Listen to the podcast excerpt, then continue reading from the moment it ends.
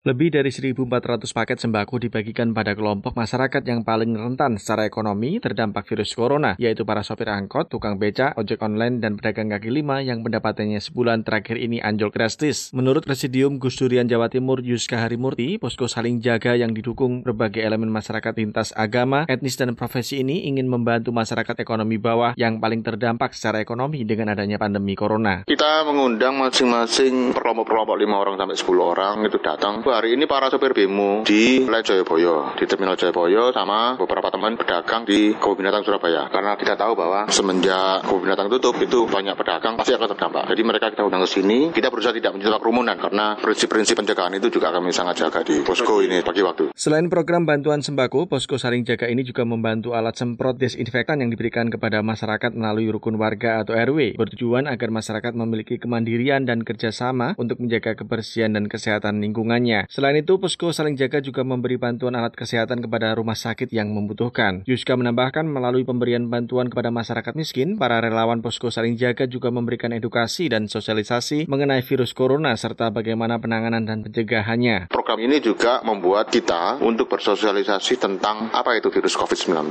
pencegahannya, penanganannya, termasuk menyampaikan informasi-informasi yang disampaikan oleh pemerintah tentang hotline penanganan dan segala macam. Jadi kita berpikir bahwa salah satu tindakan yang diperlukan sekarang adalah memberikan pendidikan untuk publik. Mereka punya kesadaran tentang masalah pencegahan dampak corona ini. Seorang warga Joyoboyo, Ahmad Purwanto, yang berprofesi sebagai ojek dan pedagang kaki lima, mengaku pendapatannya sebagai ojek pangkalan turun drastis sejak merebaknya corona. Apalagi karena tempat ia berdagang di sekitar Terminal Joyoboyo dan Kebun Binatang Surabaya kini sepi pembeli. Satu hari kita dapat satu, kadang dua. Kalau saya jual di Joyoboyo sekarang dioperasi, sekarang saya pindah di rumah, jualan gorengan sama es jus. Ya kadang 4 ribu, 3 ribu harganya. Sehari-harinya kita juga memang kekurangan kekurangan lah. Ya kita bersyukur kita dapat bantuan. Perhimpunan Indonesia Tionghoa Inti adalah salah satu di antara belasan komunitas yang ikut terlibat di posko saling jaga dengan menggerakkan anggotanya ikut menyumbang sembako bagi masyarakat yang terdampak ekonomi karena corona. Ketua Inti Cabang Surabaya Richard Susanto berharap gerakan saling jaga ini juga menginspirasi kelompok masyarakat ekonomi menengah ke atas untuk mau peduli sesama yang kesulitan memenuhi kebutuhan hariannya akibat tidak dapat bekerja atau berkurang penghasilan hariannya. Mungkin kami tidak bisa seluruhnya, jadi kami dengan semua kita mengimbau warga atau masyarakat Surabaya khususnya dan Indonesia pada umumnya kita bersama-sama bisa membantu sesama saudara kita yang sekarang terganggu mungkin bisa berapa bulan ke depan. Tidak hanya di Surabaya, posko saling jaga juga didirikan di 40 kota lain di Indonesia terutama di daerah yang menjadi zona merah kasus corona. Gerakan peduli ekonomi masyarakat ini akan terus digalang hingga corona tidak lagi berdampak di masyarakat. Dari Surabaya, Jawa Timur, Petrus Rizky melaporkan untuk VOA Washington.